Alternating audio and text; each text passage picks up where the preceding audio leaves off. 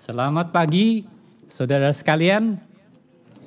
Terima kasih untuk kesempatan yang diberikan pada saya dan perkenalan tadi oleh Pak, Pendeta.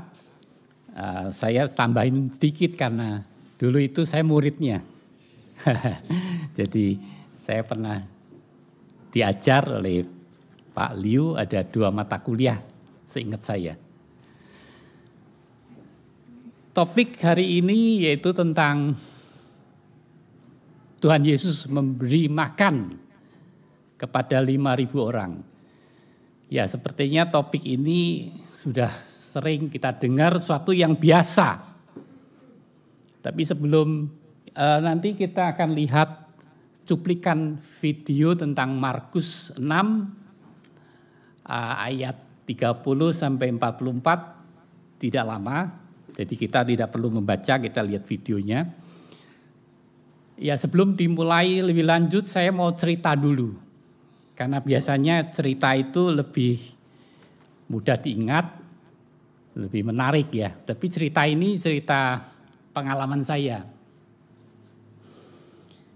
Pengalaman ibadah. Saya latar belakang bukan orang Kristen. Dari kecil bukan orang kecil, bukan orang Kristen sampai SMA, tapi sekolah saya di sekolah Katolik. Jadi uh, ajaran Katolik itu saya tahu. Uh, kebaktian uh, setiap bulan itu juga ada kebaktian di di chapel di sekolah. Tapi saya ya uh, tidak percaya Yesus itu Tuhan karena bukan agama Kristen saya. Waktu SMA ini pengalaman saya saya itu biasa ya punya banyak teman. Di tahun 79 itu saya umur 19 tahun ya, mungkin seperti saudara-saudara yang masih 19 20. Di saya lahir di Semarang ya, dewasa di Semarang. Waktu 79, 77, 79 sampai 80 itu di Semarang itu terjadi gerakan rohani di kalangan orang muda saya tidak mengikuti, cuman saya dengar-dengar aja, sering ada KKR. KKR itu ratusan orang datang. Bahkan mungkin ada ya 500 di gedung olahraga. Saya tidak tertarik untuk kegiatan seperti itu, tetapi yang saya tertarik itu untuk cari kenalan. Ya, orang muda kan. Cari kenalan, lihat kiri kanan. Khotbahnya apa pun saya tidak peduli saya duduk paling belakang, paling atas sambil cari-cari uh, siapa yang bisa dikenalin gitu. Jadi itu pengalaman saya. Tetapi herannya ya, saya tidak tahu khotbahnya apa, tetapi ketika mau penutupan, pendeta itu mengatakan siapa yang mau percaya, mau per, uh, mau terima Tuhan Yesus, itu jantung saya itu berdetak sekali. Dek, wah, saya mau maju. Loh saya ini nggak tahu apa-apa siapa yang mau terima Tuhan Yesus. Jantung saya itu berdetak, berdetak sekali. Iya, saya mau maju. Tapi karena teman-teman kiri kanan saya itu teman-teman, saya malu. Saya bertahan, saya nggak mau deh. Tapi heran, mengapa ya? Ketika terakhir saya nggak tahu khotbahnya apa, siapa yang mau percaya Tuhan Yesus? Maju ke depan. Itu heran sekali. Itu pengalaman rohani yang yang tidak masuk di akal bagi saya. Terakhir cuma menantang begitu kok membuat jantung saya itu berdetak. Itu sampai terjadi dua kali. Karena itu uh, kebangunan rohaninya ada beberapa hari. Besoknya saya datang lagi juga tidak Tujuannya bukan untuk ibadahnya, tapi mencari teman. Hari kedua hal yang sama, tapi saya tetap bertahan. Itu eh, kira-kira uh, ya waktu SMA ya.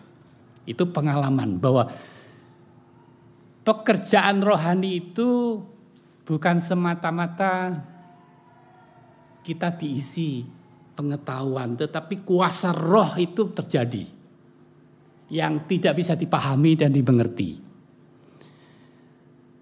Uh, setelah Ini setelah jadi Kristen ceritanya.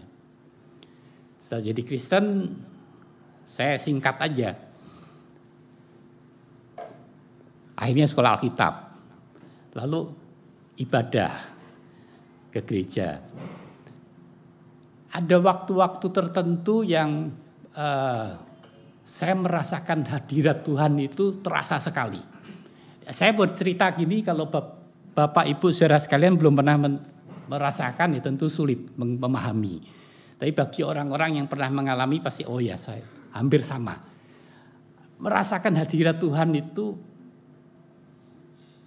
seperti biasanya meng, apa itu mengingat merasakan kasih Tuhan itu ketika dalam ibadah. Jadi bukan bukan ibadahnya itu waktu itu bukan yang semangat sekali yang kayak karismatik, bukan biasa-biasa aja. Tapi begitu merasakan kasih Tuhan, mengingat kasih Tuhan itu hati itu hancur sampai menangis saya, sampai dia bisa ditahan. Padahal saya itu kalau ada persoalan apa pun, seberat apa pun saya tidak pernah menangis ketika mama saya meninggal, orang yang paling saya kasihi, saya tidak menangis. Uh, waktu kakak saya yang meninggal, kakak saya yang saya kasih, itu saya juga hanya menangis bentar sajalah. Supaya, karena saya tahu bahwa saya sekolah psikologi, saya tahu bahwa kita perlu mengekspresikan supaya uh, itu bisa terlewatkan masa-masa kesedihan itu dengan menangis. Itu tujuannya saya cuma menangis cuma supaya le lewat gitu. Jadi saya kesulitan apa pun jarang menangis. Tetapi kalau sentuhan hadirat Tuhan itu hati saya itu bisa hancur. Tapi memang tidak selalu.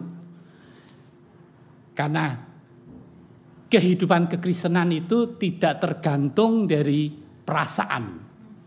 Tapi pengalaman-pengalaman itu perlu kita alami untuk menguatkan kita. Jadi eh, kadang kalau ibadah ya duduk di belakang dan di depan itu terasanya beda. Itu pengalaman saya. Di depan eh, itu nggak semua semua gereja ya karena saya memang uh, latar belakang saya lebih banyak mengajar di sekolah teologi ya.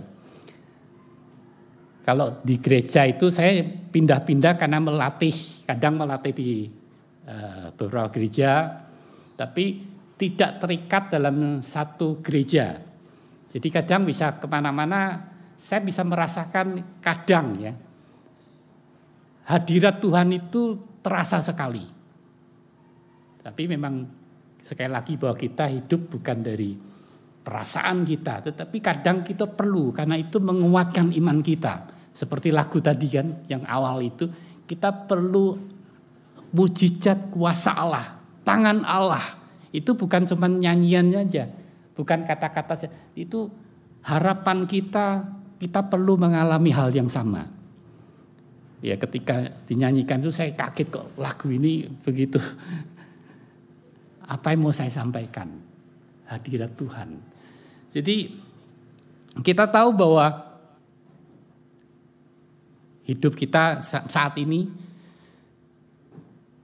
trending topik yang hangat itu biasanya ya apa ya kisah-kisah di film di di uh, di apa dunia met, uh, met, uh, media sosial itu kadang menarik untuk kita ketahui.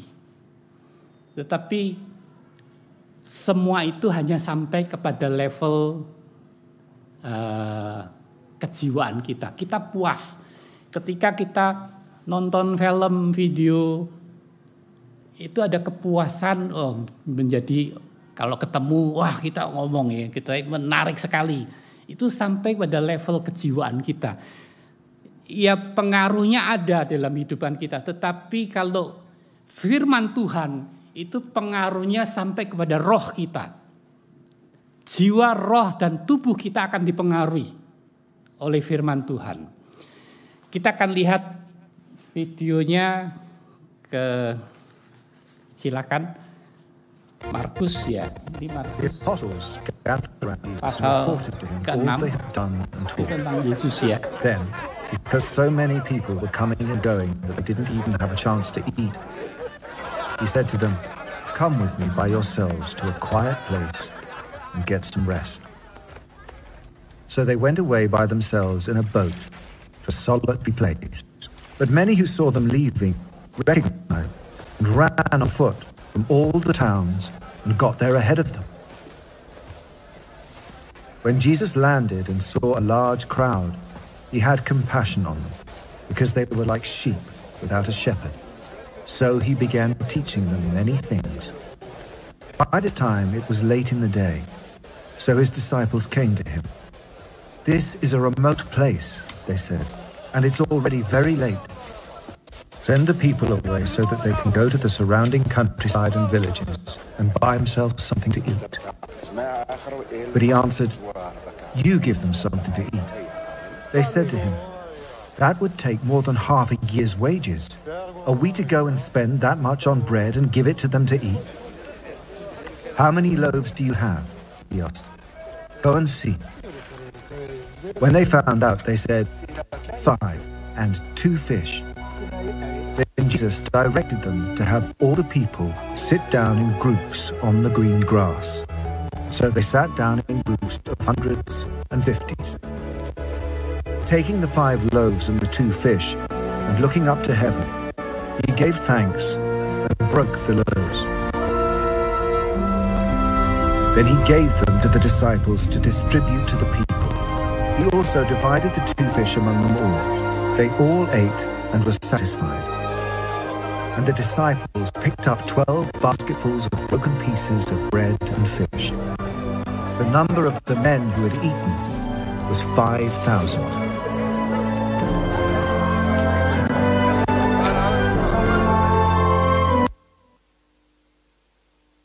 Kisah Tuhan Yesus memberi makan 5000 ini merupakan trending topik pada masa itu.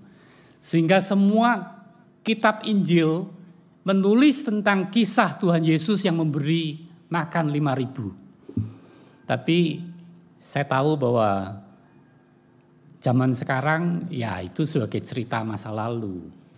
Apakah Tuhan Yesus eh, atau apakah orang Kristen masih bisa melakukan mujizat memberi makan? Tapi kita akan melihat bahwa apa yang mau disampaikan, cerita, kisah yang mau disampaikan oleh Injil Markus, ada beberapa hal yang kita akan bisa, pelajari. Melalui kisah ini kita akan belajar tentang kehendak dari Allah, kehendak dari Tuhan Yesus atas kehidupan manusia, atas kehidupan kita. Melalui kisah dari Tuhan Yesus memberi makan 5000. Kita akan belajar juga mengetahui kehendak Allah, rencana Allah, dan juga pribadi Tuhan Yesus. Jadi bukan sekedar kita mendengar cerita bahwa Yesus memberi makan, tetapi di balik cerita itu apa yang mau Tuhan sampaikan kepada kita. Rencana apa yang Tuhan harapkan, yang mau terhadap kita alami dalam kehidupan kita saat ini maupun masa depan, bahkan sampai kekekalan. Saudara dipuaskan dengan cerita-cerita di dunia ini, dengan kisah-kisah fisik, ya, bukan fisik, fikti yang yang ben, belum tidak benar, tidak sungguh-sungguh terjadi, tetapi menarik karena uh, keahlian dari yang membuat film, yang mem, yang mengarang film, tetapi itu sampai pada kepuasan pada jiwa kita. Pengaruhnya hanya kita puas dan tidak akan berpengaruh kepada masa depan kita. Bahkan mungkin pengaruhnya ya tidak bermanfaat. Tetapi apa yang disampaikan, kisah yang disampaikan oleh Injil Markus ini, ini berdampak kepada kehidupan kita, masa kini, masa depan, dan masa kekekalan. Dan pengaruhnya bukan sampai kepada jiwa kita, tetapi roh kita. Kita tahu bahwa hidup kita ini, kita hanya melihat tubuh kita, tetapi sesungguhnya kita itu adalah manusia roh. Mengapa kita sebut manusia roh? Kalau kita sadar ketika kita melihat seseorang meninggal, yang dikatakan Pak Budi kembali. Pak Budi, mayatnya ada di di dalam peti, tetapi dia bukanlah Pak Budi yang sebenarnya. Dia sebentar akan dikuburkan tubuhnya, tetapi sesungguhnya manusia itu adalah manusia roh yang tinggal di dalam tubuh. Kita ini tinggal di tubuh. Jadi sering kita hanya melihat bahwa tubuh kita itu itulah saya. Tapi sesungguhnya saya ini adalah makhluk roh. Itu yang sering kita lupakan dan tidak dipahami, tidak dimengerti. Sehingga apa yang kita lihat, apa yang kita kejar itu hanya duniawi. Tetapi melalui firman Tuhan, kita akan belajar melalui apa yang dikehendaki oleh Tuhan, kita akan mengalami perubahan, transformasi, perubahan keyakinan. Keyakinan ini akan menentukan ya. Jadi jangan menganggap bahwa keyakinan itu sesuatu yang yang tidak terlalu penting. Tapi keyakinan ini yang akan menentukan kehidupan kita selama di dunia dan kekekalan. Di dunia ini ada banyak keyakinan yang diajarkan. Ya, keyakinan apa? Bahwa manusia itu perlu penghargaan, perlu penerimaan, sehingga dia berjuang hidup untuk apa? Bisa diterima. Diterima dalam masyarakat itu keyakinan, itu pemahaman. Tetapi uh, firman Tuhan juga memberikan pengajaran yang memberikan pengaruh kepada apa yang kita yakini akan mempengaruhi apa yang kita kejar akan mempengaruhi apa yang kita lakukan selama di dunia ini dan bahkan pengaruhnya kepada kekekalan. Jadi fokus kita akan diubah dengan keyakinan yang tadinya kita hanya berfokus kepada manusia jasmani yang kita melihat bahwa segala kebutuhan itu semua itu fokusnya pada yang jasmani, yang sementara. Tetapi yang sesungguhnya yang kita perlu perhatikan, melalui keyakinan kita bisa mengubah keyakinan kita, fokus hidup kita. Kita bisa memfokuskan kepada kebutuhan rohani kita. Dan akibatnya apa? Akan mengubah perilaku kita. Perilaku kita, kebiasaan kita, kalau kita melakukan hal yang sama setiap hari, ini akan membentuk karakter kita. Jadi keyakinan akan mempengaruhi fokus kita dalam hidup. Akan mempengaruhi setiap keputusan apa yang akan kita lakukan. Dan kalau kita melakukan setiap hari akan membentuk karakter kita. Dan akhirnya apa? Tujuannya itu menjadi seperti Kristus. Itu goal tujuan dari ajaran atau cerita kisah yang disampaikan di dalam Alkitab atau firman Tuhan. Yaitu perubahan hidup kita, perubahan keyakinan kita. yang akhirnya menjadi seperti Kristus. Tidak seperti dunia, menjadi seperti pandangan dunia, harapan dunia. Karena pandangan harapan dunia itu sementara. Dan kita tahu bahwa hal yang yang bernilai kalau kita beli barang mana yang lebih mahal? Yang durasi atau tahan pakainya itu satu bulan, satu tahun, sepuluh tahun, mana yang lebih mahal? Mana yang lebih bernilai? Kita tahu bahwa yang lebih lama itu lebih bernilai, lebih lebih mahal. Makanya nilai emas, nilai berlian itu tinggi sekali. Kenapa? Tidak mudah rusak. Tidak dirusak oleh apa? Uh, korosi atau uh, karat. Kalau besi bisa berkarat akhirnya bisa patah. Kayu juga demikian rapuh. Tetapi berlian, emas, sesuatu yang tidak mudah berubah, tahan lama. Itu yang bernilai. Sama halnya demikian dalam kehidupan kita. Roh kita itu bernilai, berharga. Karena kekal. Tidak sementara. Tubuh kita ini sementara di dunia. Ini yang sering tidak dipahami, tidak dimengerti, yang menjadi fokus kehidupan manusia. Yang harusnya kita menilai,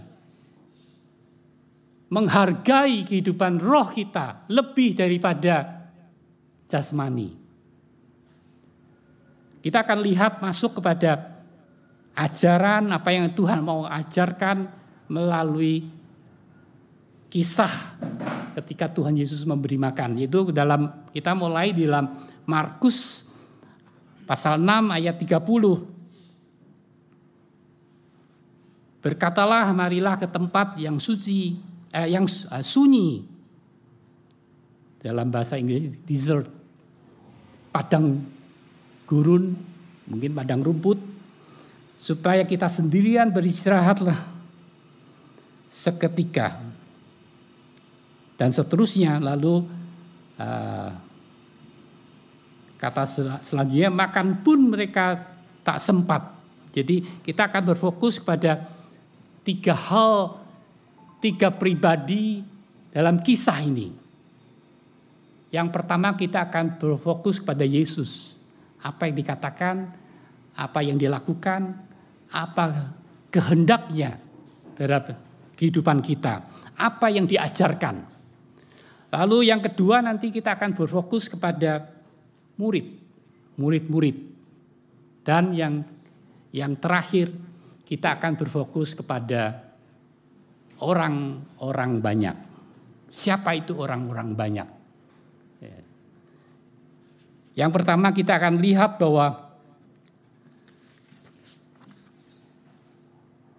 pasal 6 ayat 30 mungkin bisa slide-nya selanjutnya. Ya ini ya uh, pasal 6 ayat 31 lalu ia berkata kepada mereka marilah ke tempat yang sunyi supaya kita sendirian dan beristirahat seketika sebab memang begitu banyak orang yang datang dan pergi sehingga makan pun mereka tidak sempat. Apa yang menjadi fokus dari kisah ini? Bahwa Tuhan Yesus mengajak murid-muridnya. Setelah murid-muridnya dalam kisah ini menceritakan bahwa murid-muridnya itu sebelumnya diutus melakukan pelayanan, mengajar, dan melakukan mujizat. Setelah itu kembali menghadap Yesus dan ketika kembali murid-murid itu semangat sekali menceritakan apa yang dialami. Dia ke mana-mana ya ke desa, ke kota, mengajar. Bukan hanya mengajar apa yang diajarkan Yesus, tapi juga mengalami mujizat. Menyembuhkan orang sakit, juga mengusir setan. Kuasa yang dimiliki Yesus itu dialami oleh murid-murid. Dan dengan semangat kembali pada Yesus menceritakan. Tapi apa yang respon Tuhan Yesus? Tuhan Yesus mengajak murid-murid untuk meninggalkan keramaian, meninggalkan pelayanan. Tetapi apa? Istirahat sejenak supaya mereka bisa istirahat, bisa makan. Istirahat ini berhubungan dengan ya fisik juga berhubungan dengan jiwa. Jadi Tuhan Yesus bukan hanya memperhatikan hal-hal atau perkara rohani, pelayanan, penginjilan, memberitakan atau mengajar, tetapi Tuhan Yesus juga memperhatikan perkara jiwa dan perkara jasmani. Perlu istirahat perlu meninggalkan sejenak. Jadi bukan meninggalkan terus menerus, tapi sejenak untuk mereka bisa beristirahat. Ini menunjukkan bahwa Tuhan Yesus juga memperhatikan perkara roh, jiwa, dan tubuh. Kalau dunia kedokteran itu sudah paham atau dunia psikologi ya segala psikiater itu paham bahwa hubungan antara jiwa dan tubuh itu sangat dekat, sangat berkaitan, sangat saling mempengaruhi. Makanan yang kita minum, makan, minum itu mempengaruhi emosi, mempengaruhi pikiran kita. Pikiran kita, emosi kita mempengaruhi perilaku kita, saling mempengaruhi. Gangguan pikiran meng, akan mengganggu fisik. Tetapi memang kedokteran sampai berfokus sampai pada jiwa dan fisik. Tetapi Tuhan memahami hubungan antara roh, jiwa, dan tubuh itu saling mempengaruhi.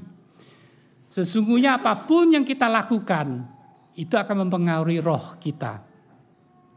Kita memang tidak baru mungkin baru paham ya sekarang ya.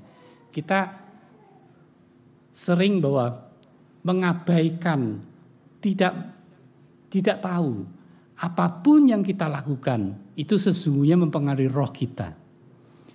Oleh karena itu orang yang hidup yang tidak sesuai dengan firman Tuhan pasti rohaninya tidak akan bertumbuh pasti kepekaan atas kehidupan rohani tidak akan tumbuh, tidak akan peka.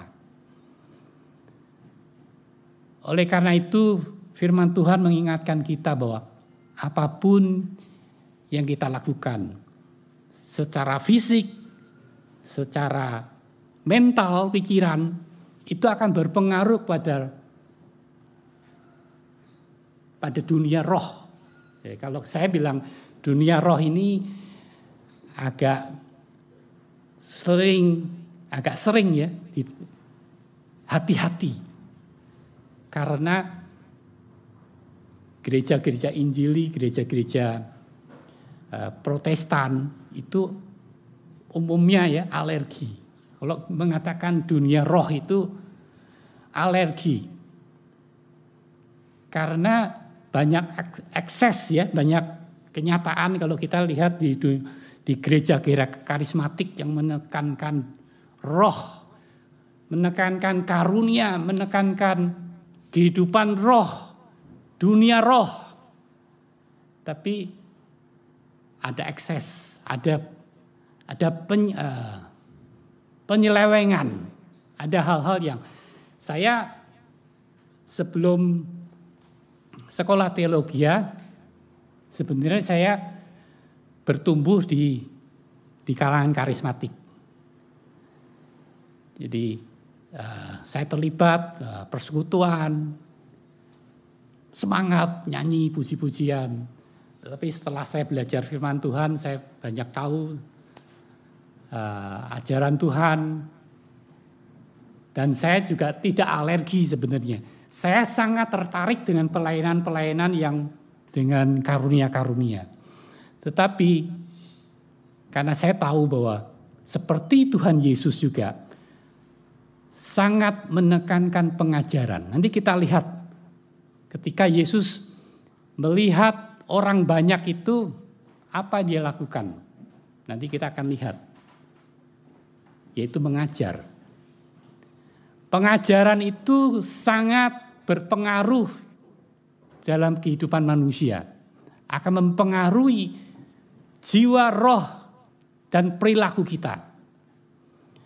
Oleh karena itu kalau saya berjumpa dengan hamba Tuhan atau pengajar yang berkarunia, selalu saya tertarik memperhatikan apa yang diajarkan.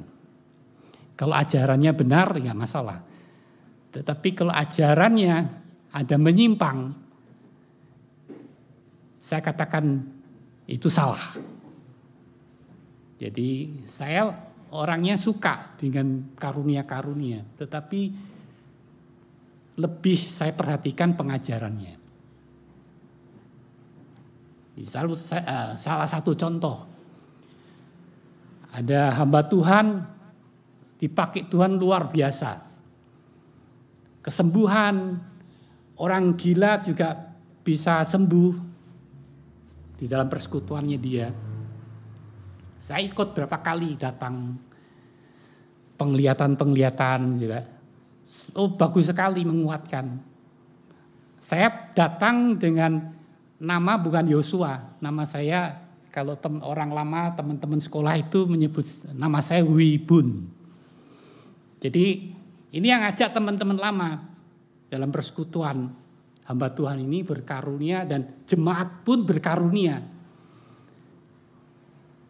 Ketika saya datang ada seorang uh, apa ini jemaat yang pendoa tiba-tiba dia berkarunia bernubuat menyebut Yosua. Saya kaget, Yosua kan nama saya. Yosua dia dia mengatakan apa-apa jangan khawatir Wah itu menguatkan saya. Tetapi saya senang, tapi saya melihat pengajarannya apa. Sampai saya tahu pengajaran dia itu yang sesat. Yaitu bahwa dia membedakan antara dunia roh dan dunia jasmani. Anak-anak muda diajar supaya meninggalkan dunia.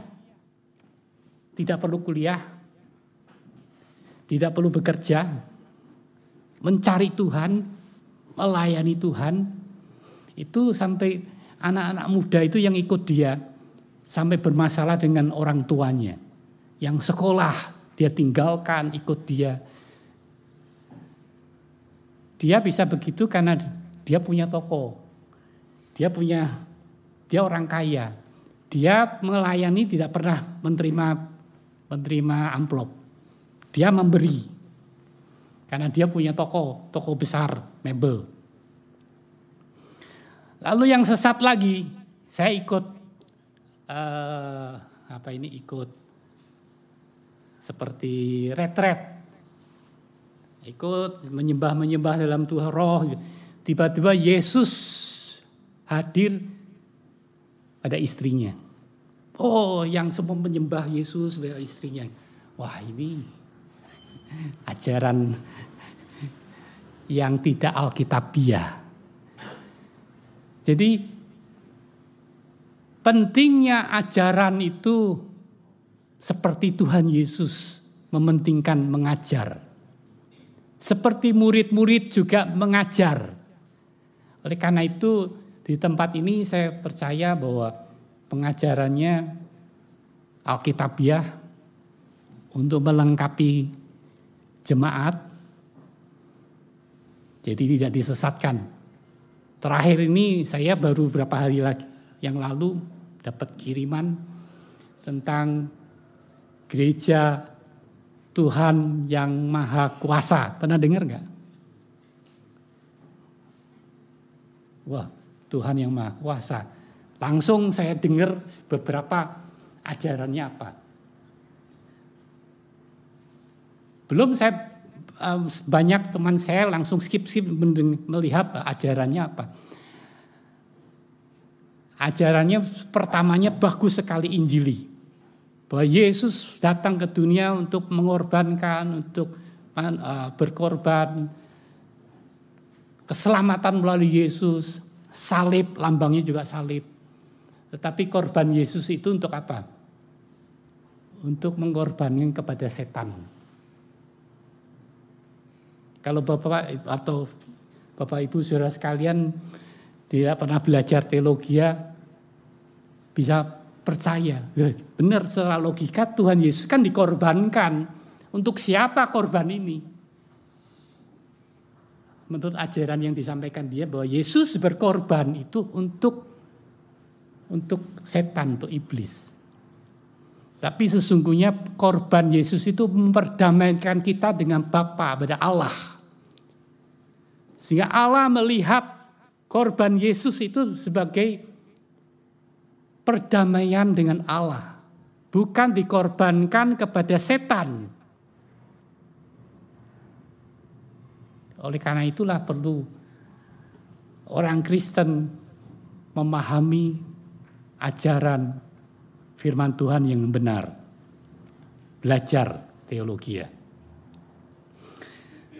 Tadi sebelum sebelum kebaktian Komek itu tanya saya sama anak-anak.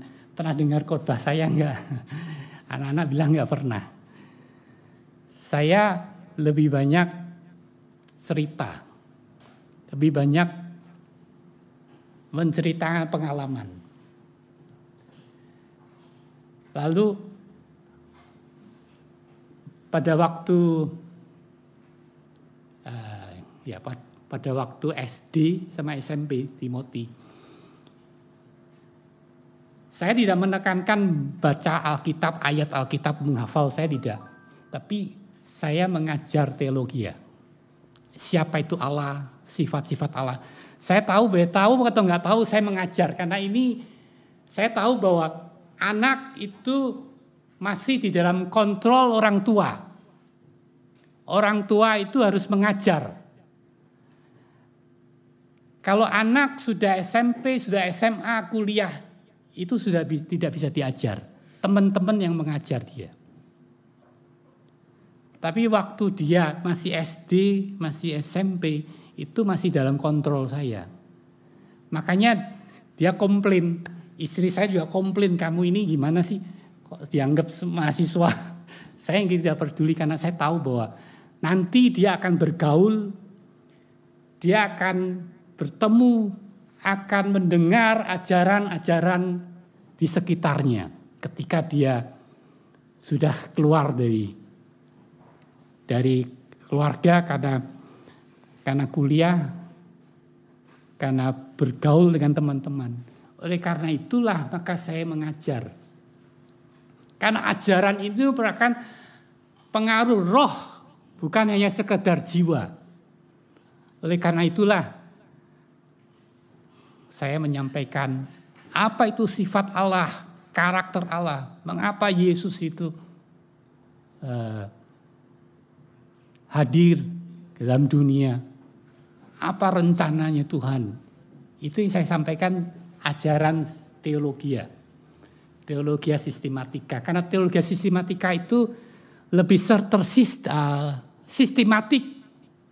Kita bisa menangkap, bisa memahami daripada per ayat-ayat itu kadang uh, ya kadang banyak pertanyaan. Tapi kalau sistematis itu sudah dibuat supaya kita bisa lebih mudah memahami. Dan itu juga yang yang membuat saya keyakinan saya tetap walaupun saya kuliah di Filipina itu kuliah umum, kuliah psikologi, counseling psikologi, tidak pernah menyentuh tentang Tuhan, tidak pernah berbicara tentang roh, semua manusia dan pikiran manusia, perilaku manusia. Setiap kelas apa yang saya pelajari sampai per awal-awalnya ini saat ini saya belajar teologi ini kok tentang manusia. Berkumpul juga pertamanya. Tetapi karena saya sudah belajar teologi ya, itu tidak membuat saya goyah, tetapi membuat saya wawasannya lebih luas lagi melihat manusia.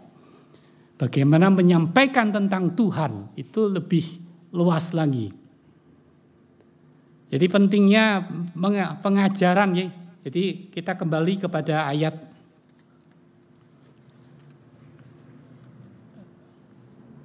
ayat uh, 30 Tolong ditampilkan.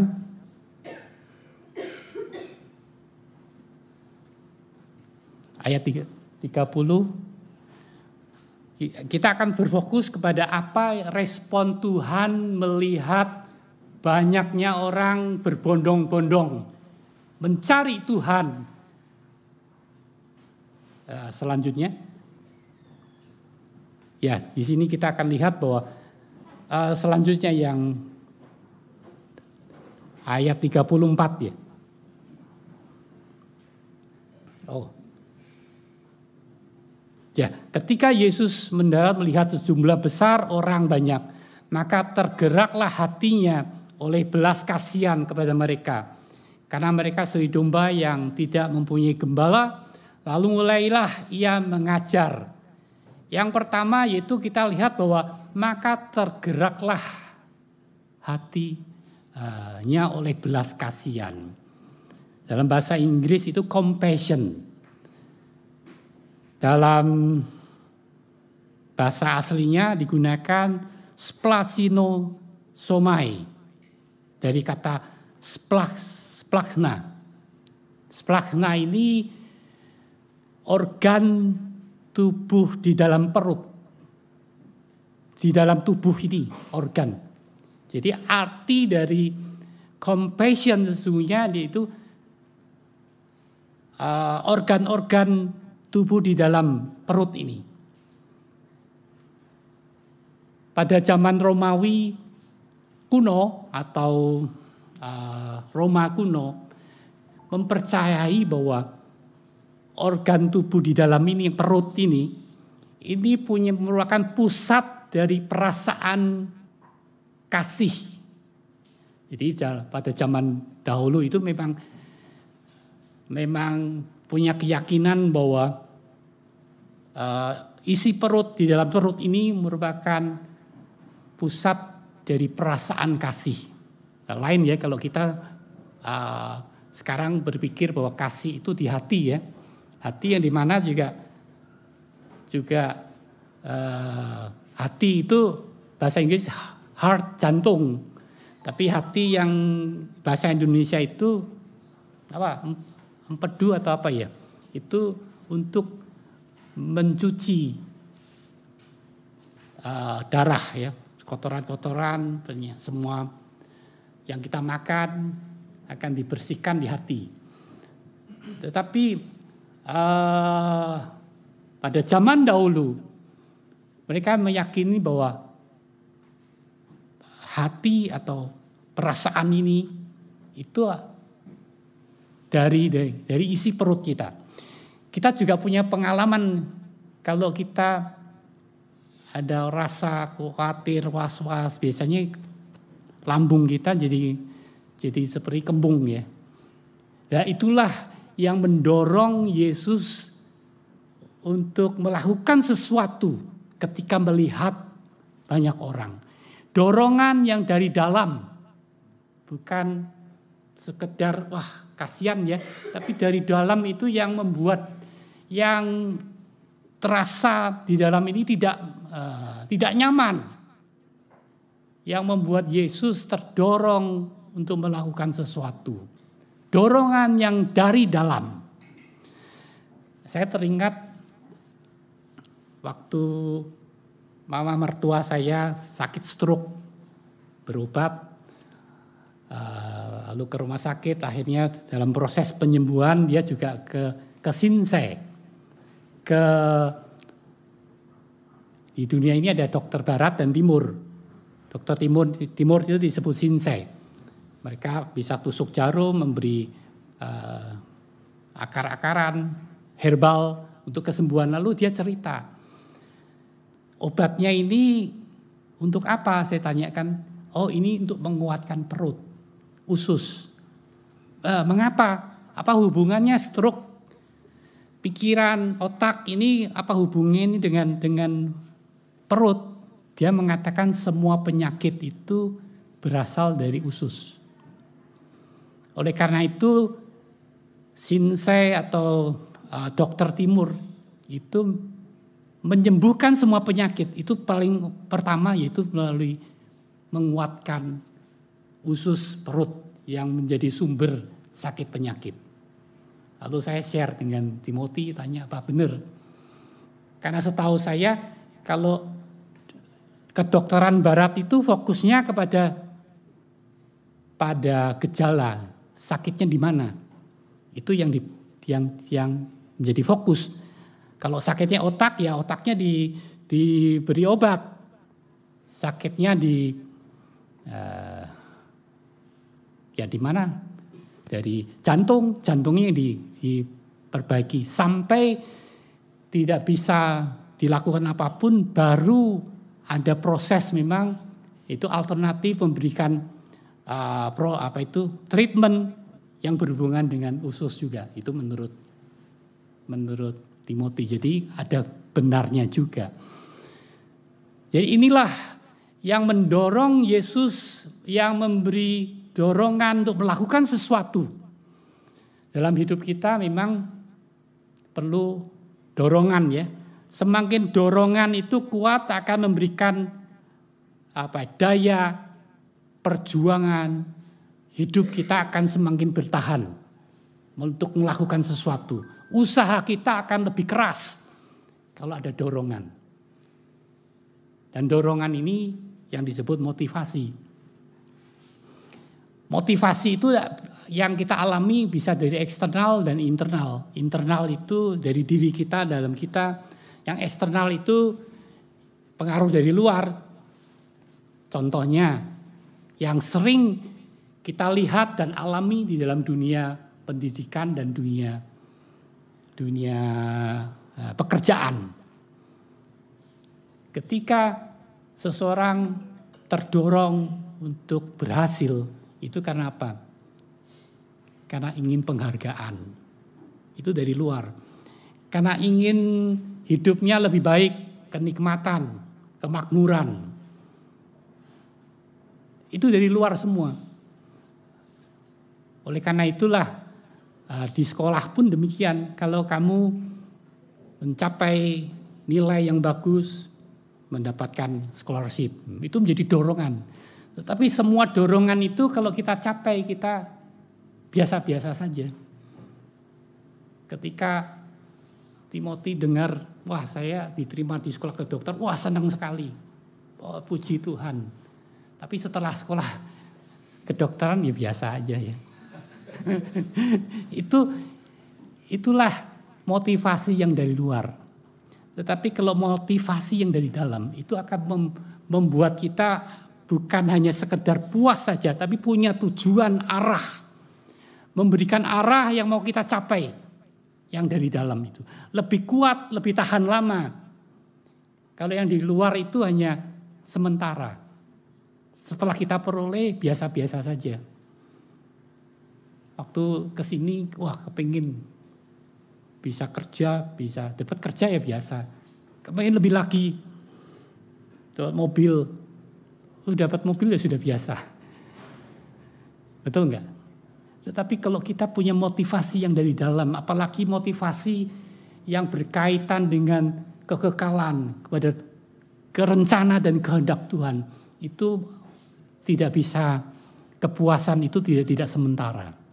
Kita akan mengalami kepuasan dalam hidup yang lama, yang membuat kita semakin tahan lama dalam perjuangan.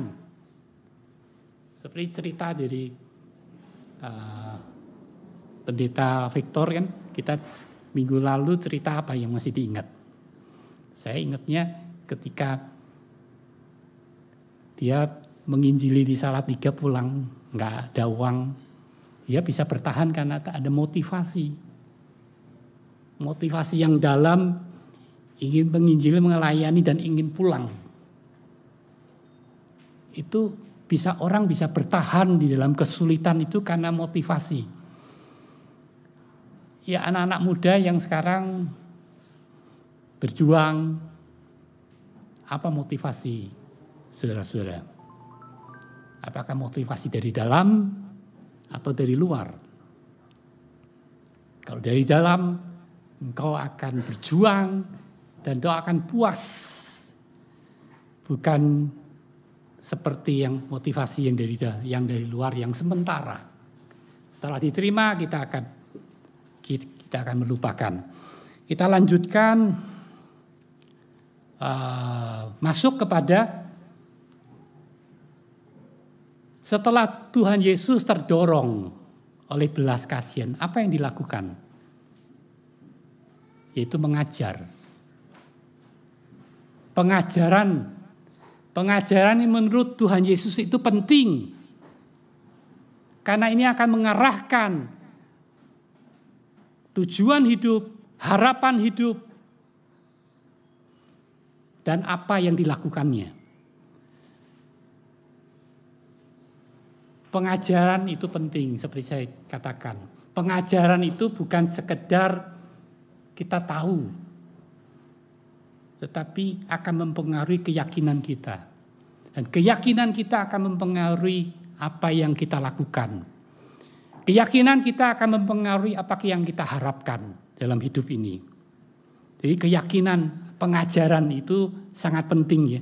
Memang di dalam dalam cerita ini tidak disebutkan apa yang Tuhan Yesus ajarkan. Tapi kita bisa lihat dari seluruh Injil-Injil, kitab Injil, Tuhan mengajarkan tentang keselamatan, tentang iman, tentang harapan, Mesias, Juru Selamat, penebusan melalui pengorbanan Kristus. Tentang kerajaan Allah, tentang kehidupan, kesetiaan, dan kasih mengampuni, itu yang kita bisa bisa dapatkan pengajaran-pengajaran Yesus di dalam kitab-kitab Injil. Dan Tuhan Yesus memang di dalam mengajar bukan hanya kata-kata, tapi dia meneladani dan bahkan disertai dengan tanda dan mujizat.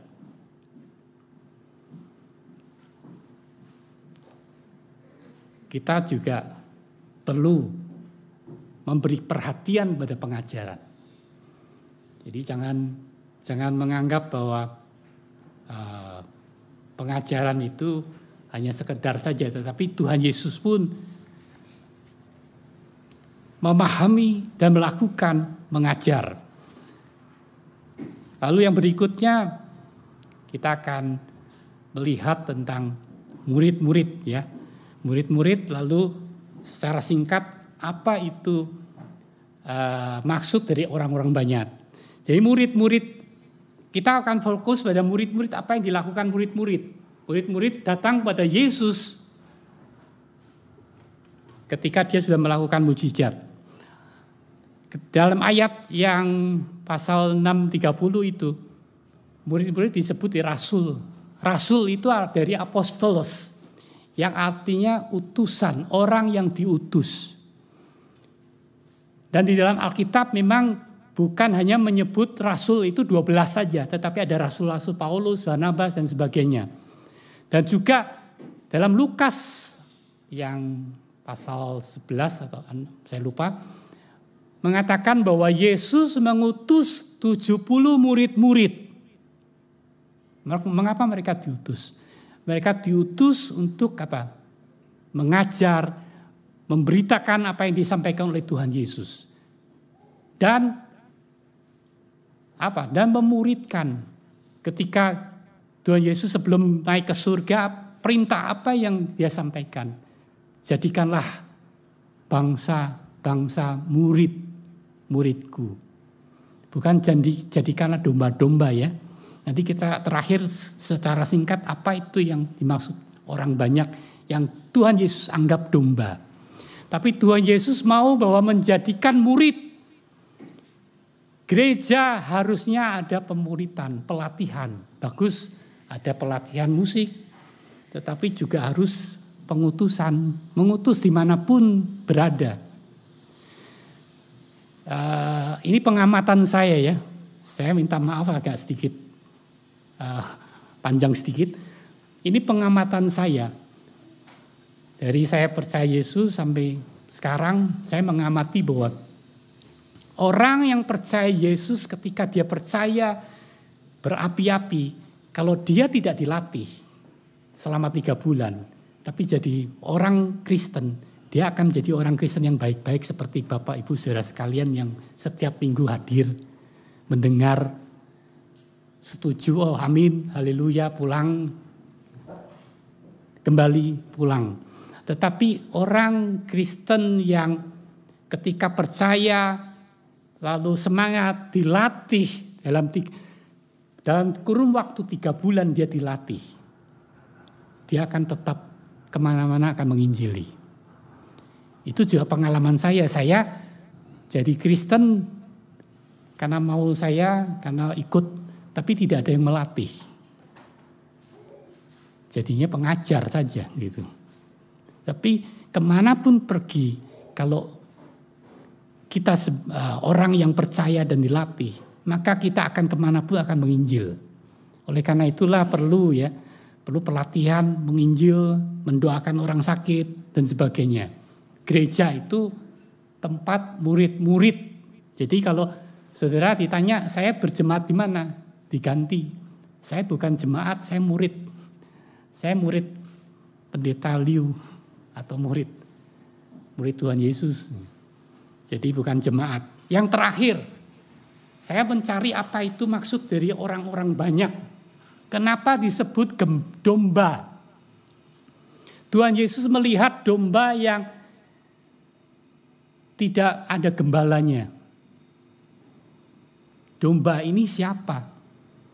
Saya cari-cari domba ini orang-orang banyak ternyata orang-orang di sekitar Galilea yang sudah mendengar, sudah melihat ajaran Tuhan Yesus, mendengar dan melihat kuasa Tuhan Yesus sebagai sebagai guru yang penuh kuasa. Dan mereka membutuhkan mujizat, pertolongan dari Tuhan Yesus. Apakah ini tidak banyak dijumpai dengan di jemaat, di gereja? Banyak gereja-gereja yang mungkin ada gembalanya tetapi gembala yang bayaran. Itu juga domba-domba yang di Tuhan merasa kasihan. Perlu pengajaran yang benar. Dan Itulah perlunya pemuritan ya. Tuhan Yesus itu memberikan hidupnya. Bukan saja memberikan makan rohani dan jasmani. Dia memberikan tubuhnya sebagai korban. Dia adalah gembala yang memberikan hidupnya. Bahkan dia merelakan dirinya untuk berkorban bagi kita. Oleh karena itu, kita sebagai anak-anak Tuhan, Jangan kita mencari hanya berkatnya Tuhan. Tetapi kita mau diubah menjadi murid-murid. Jangan seperti orang-orang banyak. Orang banyak ini mengacu pada orang-orang Kristen. Yang hanya ingin berkatnya saja. Tetapi tidak menjadikan Tuhan sebagai Allah yang berkuasa, yang bertahta. Sebagai King, Shepherd King King of King, Raja yang berkuasa, yang bertahta dalam kehidupan kita. Jadi jadikanlah Tuhan sebagai Raja kita yang menguasai kehidupan kita. Sebagai murid-murid yang mau diajar dan mengajar. Karena murid itu bukan hanya terus murid tapi memuridkan orang lain. Karena ini perintah permintaan Tuhan Yesus yaitu supaya kita memuridkan. Di mana pun kita berada, kita bisa memuridkan sebagai pengusaha, sebagai karyawan, sebagai dokter, sebagai apa pun. Kisah kita bisa bersaksi, bisa membawa kepada Kristus, lalu mengajar mereka untuk menjadi murid juga. Mari kita berdoa. Kami bersyukur ya Tuhan untuk kesempatan pada pagi hari ini firman-Mu yang mengingatkan bahwa Engkau Allah sebagai Allah yang maha kuasa, Raja penguasa atas hidupan kami, dan Engkau Allah yang berkorban mengasihi kami, yang memperhatikan kami, yang punya belas kasihan pada kami ya Tuhan. Dan menolong kami ya Tuhan, bukan menjadi domba-domba tetapi menjadi murid-muridmu ya Tuhan. Menjadi pengikutmu ya Tuhan. Menjadi berkat, menjadi menolong yang, yang lain juga bersaksi tentang Tuhan juga pada yang lain. Terima kasih ya Tuhan untuk kesempatan pagi hari ini. Di dalam namamu Tuhan Yesus kami alaskan doa kami ini. Amin.